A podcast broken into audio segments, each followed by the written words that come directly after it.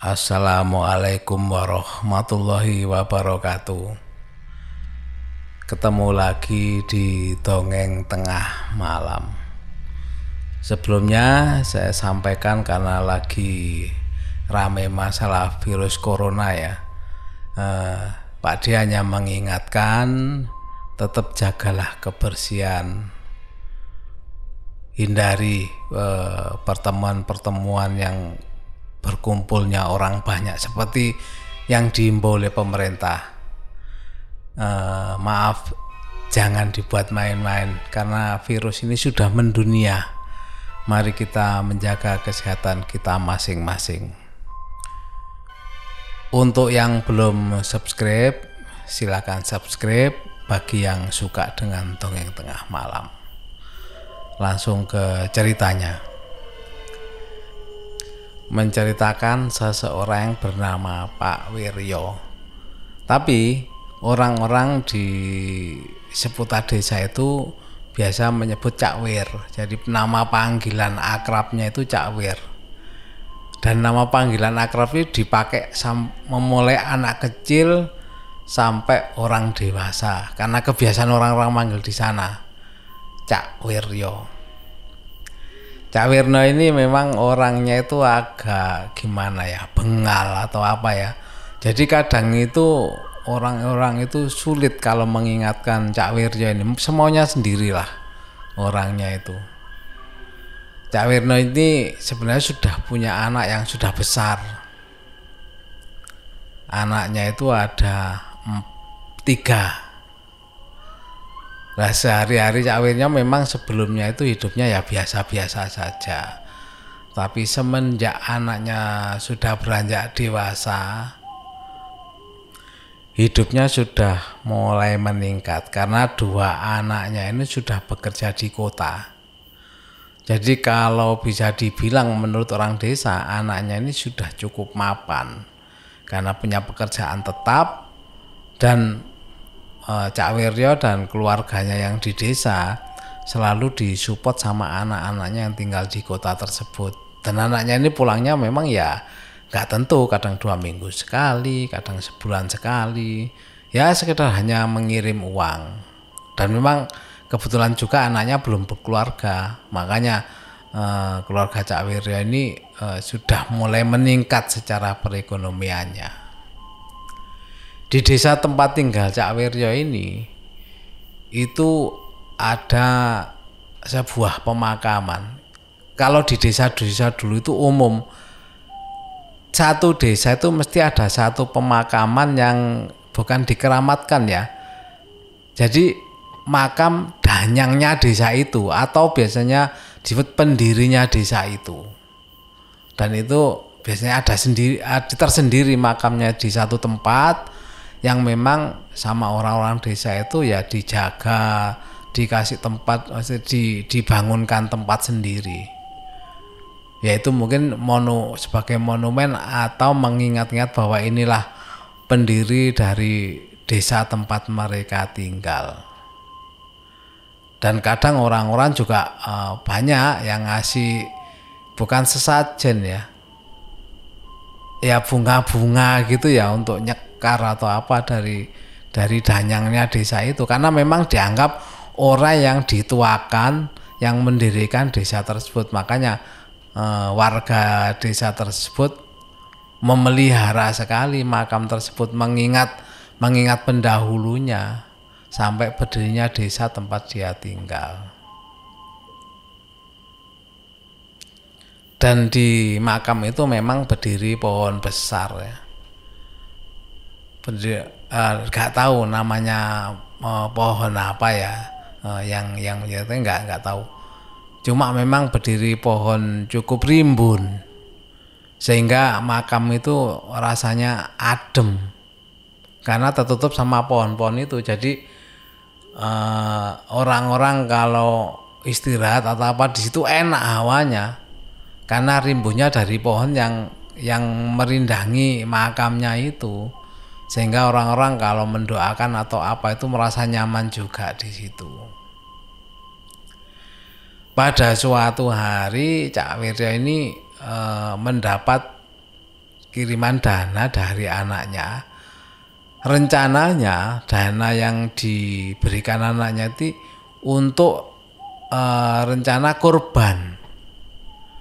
Kan biasa setelah lebaran kan ada uh, lebaran kurban. Lah anaknya ini karena punya rezeki yang cukup menyisihkan uangnya uh, dua anaknya ini yang ada di kota ini menyampaikan kepada Cak Wiryo ini supaya membeli kambing. Karena selama ini memang sebelumnya kan uh, seperti yang saya sampaikan tadi hidupnya kan biasa-biasa saja bukan yang berlebih. Jadi kalau dulu mau berkorban itu ya masih mungkin masih belum mampu ya. Tapi sehubungan anaknya ini tinggal uh, di kota yang dianggap cukup mapan dan punya lebih makanya uh, meminta uh, bapaknya Cak Wirjo ini untuk membeli kambing untuk jadikan korban nah korbannya memang cukup cukup masih bukan waktu dekat kira-kira satu atau dua bulan lagi persiapan gitu loh. Satu setengah bulan lah. Persiapan memang untuk uh, rencana korban ini. Ya karena masih lama kan dianggap harganya kan masih cukup murah dibanding kalau membeli waktu dekat-dekat. Makanya uh, sama Cak Wiryo ini begitu dapat uang dari anaknya ya dia carikan kambing untuk untuk jadikan uh, rencana kurban nanti dan dipelihara sampai menjelang nanti korban. Makanya untuk menghidupi kambingnya ini kan otomatis eh, harus cari rumput atau daun-daunan sebagai makanannya anjing. Eh, anjing maaf, kambing ini. Makanya eh, Cak Wiryo kalau sore atau pagi gitu ya biasa mencari rumput atau daun-daunan yang disukai sama kambingnya. Sampai eh, menjelang mendekati ya, kira-kira satu minggu sebelum lebaran korban Cak Wiryo ini jalan melewati danyangnya desa tadi atau makam yang dianggap tua oleh kampung itu. Dan melihat di sana bahwa pohon yang merindangi makam itu kan daunnya cukup rimbun. Saya nggak tahu namanya apa eh, pohonnya itu, tapi kalau dibuat untuk makanan kambing ya memang cukup. Mesti doyan kambing itu untuk makan daun-daun dari pohon itu. Begitu melihat itu tidak tahu kenapa kok terbesit pikiran Cak Wiryo. Kenapa kok gak ngambil daun? Bayangannya Cak Wiryo kan gak ngambil sampai ke atas. Jadi ngambil yang di bawah-bawah saja itu cukup daunnya. Makanya daripada nyari ke sana kemari tanpa pikir panjang Cak Wirya itu tiba-tiba memotongi daun-daun yang di pohon dekat makam itu untuk dikasih makan ke kambingnya. Potongilah akhirnya. Setelah dipotongi dibawa pulang. Dapat banyak memang nih karena memang jarang orang yang motong-motong darah situ. Makanya rimbun gitu loh. Tapi enggak bukan pohon yang banyak loh ya. Hanya satu pohon memang yang dekat situ. Akhirnya dibawa pulanglah daun-daunan sekalian bawa sedikit rumput. Karena sebenarnya Cak Wirjo ini memang belum pernah apa namanya punya hewan piaraan. Jadi begitu ada hewan piaraan untuk korban ini ya Cak Wirjo seneng, hatinya seneng sebenarnya dapat e, membeli kambing walaupun dari anaknya ini memelihara dengan senang hati gitu loh. Akhirnya dibawa pulang dikasihkanlah uh, daun sama rumput tadi ke kambingnya. Ya memang kambingnya itu seneng banget makan tuh. Wah ya sudah kelihatan kan kalau kambing suka sama anu apalagi daun masih baru ya. Jadi makannya itu melihatnya seneng Jawirnya ini. Sampai ini kan uh, sore hari Cak Wirya waktu ngambil daun-daun sama rumput itu sampai malam nggak ada masalah Wirya lah menjelang tidur kira-kira jam setengah sembilan jam sembilan kan di desa tidur gak pernah malam-malam ya. Antara jam setengah sembilan jam sembilan tiba-tiba Cak Wirya ini nggak tahu kenapa tangannya tiba-tiba seperti apa ya nggak ada tenaga istilah orang Jawa itu keple. Keple itu apa ya? Jadi gak ada tenaga gitu loh. Kayak orang habis nggak pernah main badminton begitu sekali main badminton tangannya kan kayaknya ngangkat apa kayak kan nggak kuat ya. Ya kayak seperti itu. Lah Cak Wiryo heran. Loh kenapa tanganku gak, gak berpikiran apa-apa sebenarnya? Cuma apa kecapean atau apa? Ya sudah Cak Wiryo nggak nggak anu ya udah mungkin minta istirahat saja akhirnya ya sama Cak sudah istirahat saja kalau gitu istirahat sampai tengah malam Cak Wirya merasa tangannya kok agak gatal-gatal gitu. Gatal-gatal digaruk. Tapi gak sampai anu ya, dia juga bisa ngira-ngira gak sampai lecet-lecet digaruk kok semakin gatalnya semakin jadi.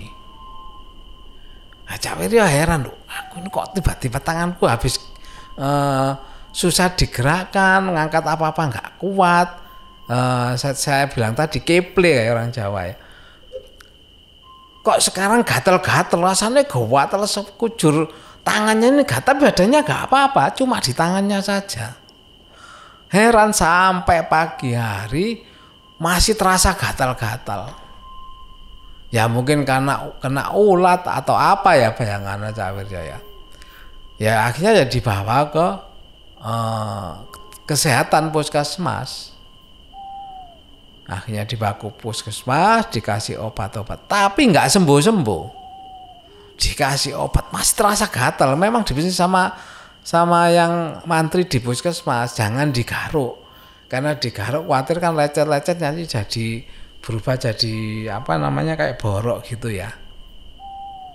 Ya diturut sih diturut dikasih apa dua hari dari periksa masih tetap saja. Karena masih tetap akhirnya pergi lagi karena nggak tahan kan? Nggak tahan pergi ke mantri. Karena ada praktek mantri ya di desa itu. Di desa sebelah sebenarnya. Diperiksakan ke sana. Dilihat sama mantrinya nggak apa-apa. Maksudnya dilihat ya mungkin dikira apa alergi atau apa gitu loh ya dikasih obat dikasih obat tapi masih tetap saja dan itu berjalan sampai hampir satu minggu. Cak Wiro masih merasakan gatal dan kalau malam memang nggak bisa tidur karena apa? Ya tadi karena gatalnya tadi. Sampai bilang sama anaknya dibawa ke rumah sakit ke kota sama anaknya untuk diperiksakan lagi karena sudah satu minggu gitu loh. Apalagi sakitnya kan mendadak. Sama anaknya akhirnya dibawa ke rumah sakit di kota dan dilihat katanya nggak ada penyakitnya katanya nggak ada. Dan gatal-gatal ini seperti ya anggapannya nanti akhirnya kan gergesium katanya mungkin alergi makan apa? Atau uh, kena hewan apa atau apa gitu loh. Karena dia nggak nggak apa-apa sebenarnya. Secara secara uh, pemeriksaan detail kata dokter itu nggak ada penyakit apa-apa. Ya dikasih obat lagi. Ya obat dan obat lagi sama dokter itu. Sampai hari H pemotongan itu Cak yang ngasih nggak bisa apa-apa. Berjalan sampai berjalan hampir satu bulan. Dan itu nggak sembuh sampai namanya tangannya ya walaupun digaruk nggak sampai anu namanya gatal ya orang gatal itu juga kan nggak kerasa sampai ada luka-luka. Dan itu nggak sembuh selama hampir satu bulan. Sampai satu ketika ada temennya yang yang main ke rumahnya Cak Wiryo tadi. Begitu ada temennya datang, sebenarnya temennya ini nggak tahu kalau Cak Wiryo sakit itu nggak tahu. Karena sakit gatal kan bukan sakit bagi orang desa ya. Ya biasalah mungkin salah apa atau bukan sakit. Kalau sakit itu kan biasanya nggak bisa apa-apa. Itu sakit kalau orang desa itu. Lah tapi ini kan bisa kegiatan. Cuma ya itu kan sih terganggu. Apalagi kalau malam katanya sampai nggak eh, sampai susah tidur karena gatal-gatal. Bahkan cawirnya sampai berat badannya turun ya karena merasakan ini gimana kan malam nggak bisa tidur. Sampai ada temennya uh, ke rumahnya Cak Wiryo kaget loh kenapa tanganmu? Uh, kata temennya. Saya Cak Wiryo menceritakan. Jadi Cak Wiryo sudah hampir satu minggu sudah hampir satu minggu kata ya gatal-gatal gini. Tapi secara badan nggak masalah. Cuma yang dirasa cuma gatal ini aja. Akhirnya temennya kenapa? Lu awalnya gimana? Kok sampai gatal-gatal gini? Cawio cerita e, yang nggak tahu. Habis kasih makan kambing e, kok tiba-tiba malamnya malamnya itu ketangannya seperti ya diceritakan seperti awal tadi.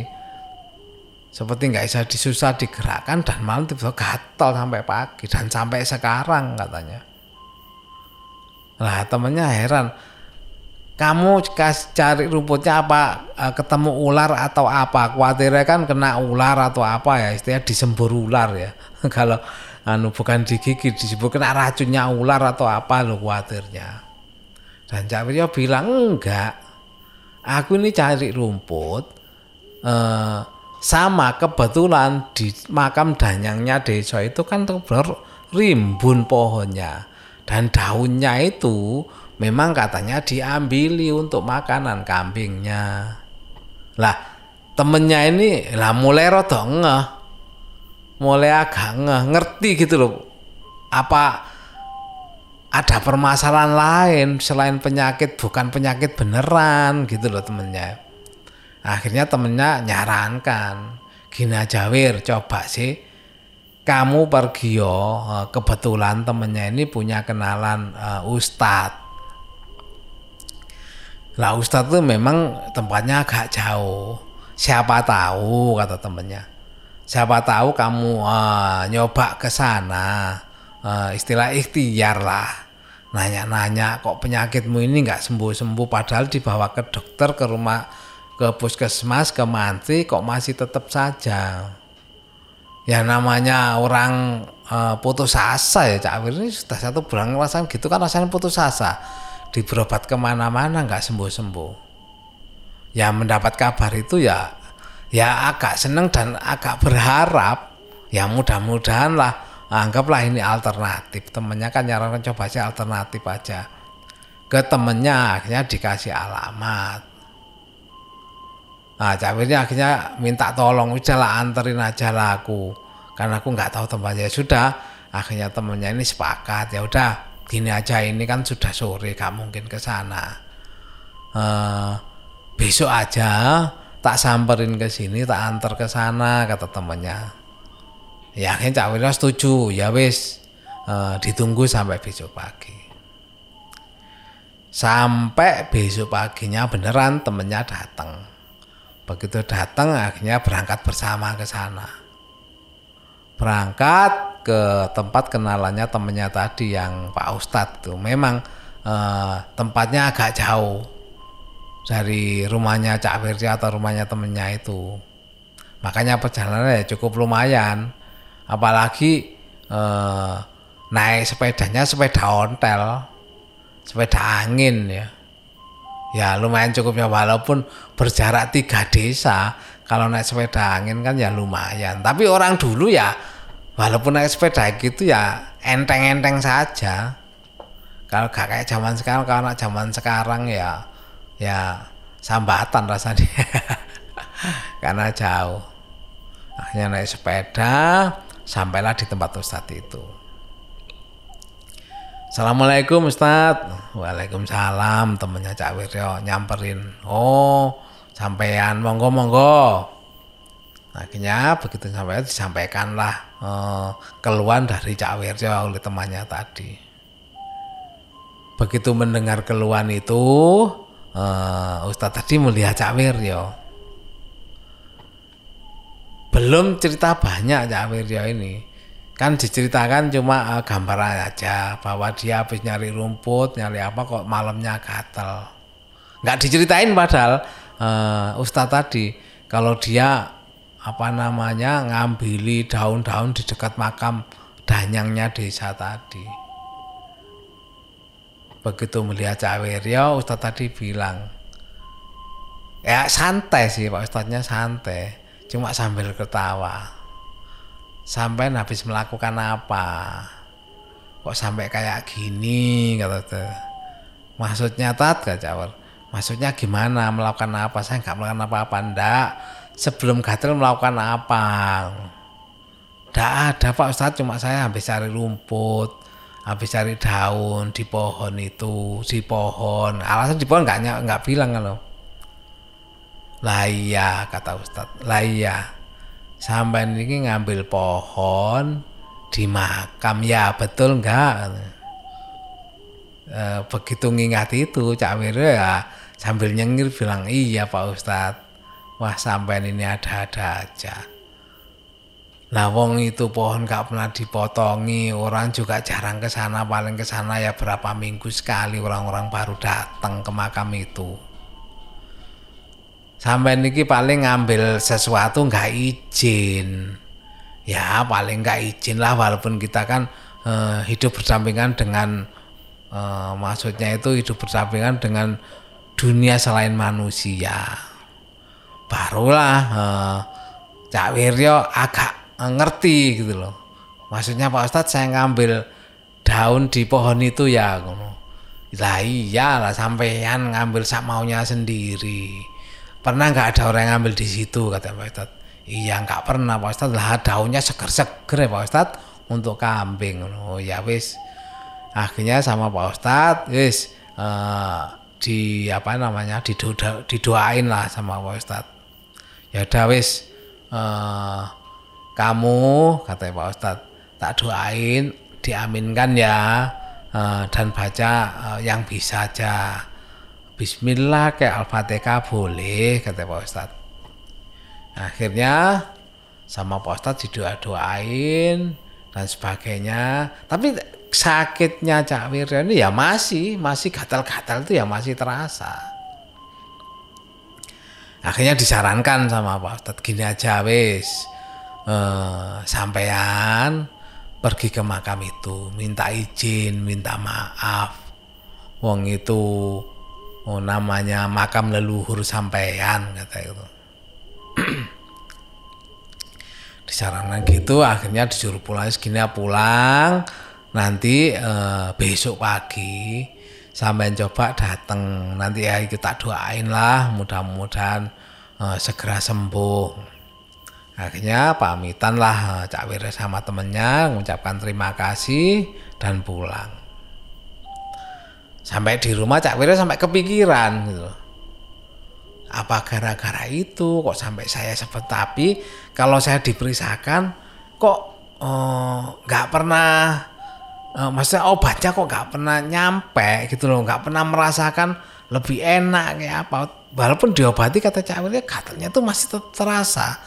Seperti nggak diobati. Ya udah akhirnya uh, Cak Wiryo nunggu sampai pagi. Begitu pagi Cak Wiryo bergegas lah. Tapi janji sama temennya suruh nemeni. Sama temennya suruh nemeni akhirnya pagi-pagi temennya datang. Datang nemeni Pak Cak Wiryo datang ke makamnya Danyang tadi begitu sampai di, di makamnya Danyang tadi Cak Wirya ya ya hanya bicara saja is uh, uluk salam terus bicara. Uh, mbah uh, putune mbah ini jaluk sepuro ini uh, minta maaf maksudnya. Minta maaf mbah uh, saya nggak sengaja memetik dari uh, pohon ini. Saya juga nggak tahu mbah. Tolong cucunya ini mbak dimaafkan supaya sakitnya cucunya ini nggak terus-terusan katanya Cak Yos pokoknya mau bicara banyak intinya meminta maaf uh, uh, untuk penghuni dari di situ. Ya percaya dan tidak percaya. Temennya juga begitu percaya dan tidak percaya. Ya mau nggak mau ya cuma nungguin aja temennya uh, biar Cak Wirja nyampaikan sendiri. Setelah uh, menyampaikan semua unek-uneknya dengan sambil menangis bahkan Cak Wirya itu saking menyesalnya saking menyesal ngambil uh, tempat yang tidak semestinya menurut menurut orang-orang di situ. Ya memang orang-orang di situ memang kan agak mengkeramatkan. Dalam artian mengkeramatkan itu kan memang makamnya Danyang, Danyangnya desa itu. Makanya tempatnya memang dijaga dan agak dikeramatkan. Jadi orang-orang gak berani ngambil apa-apa di situ. Tapi dasar Cak Wirya ini orangnya kan selonong boy istilah sekarang ya. Istilah muda saya dulu bukan istilah sekarang. Istilah muda saya dulu. Itu istilah sonong boy sakar PDW sak maunya sendiri. Sampai sambil menangis selesai uh, menyamai nggak ada nggak ada ngelihat apa-apa sebenarnya. Cak Wira sama teman nggak ada ngelihat apa pun gitu begitu selesai penyesalan Cak Wira itu bener-bener disampaikan nggak berapa lama. Ini belum pulang dari tempat itu. Belum pulang nah, tiba-tiba Cak Wiryo itu merasakan.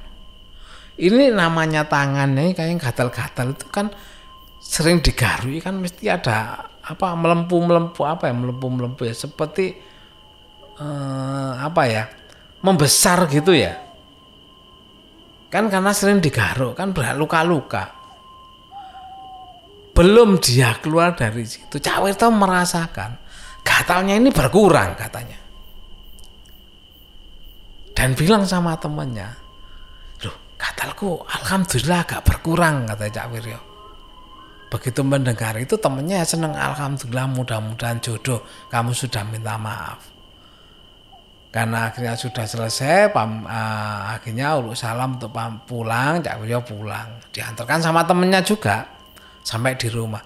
Sampai perjalanan Pak Cak Wiryo merasakan bahwa gatal-gatalnya sangat berkurang yang tadinya itu katanya seperti ada hewan berjalan katanya sudah di, di tangannya itu. Sudah mulai berkurang dan sudah nggak merasakan gatal lagi. Begitu sampai di rumah dilihat eh, bekas tangan-tangannya luka itu. Heran dan ajaibnya luka-lukanya itu kering. Dua-duanya katanya kering tangannya ini. Ya memang ada bekas luka namanya habis luka kan nggak mungkin bisa hilang.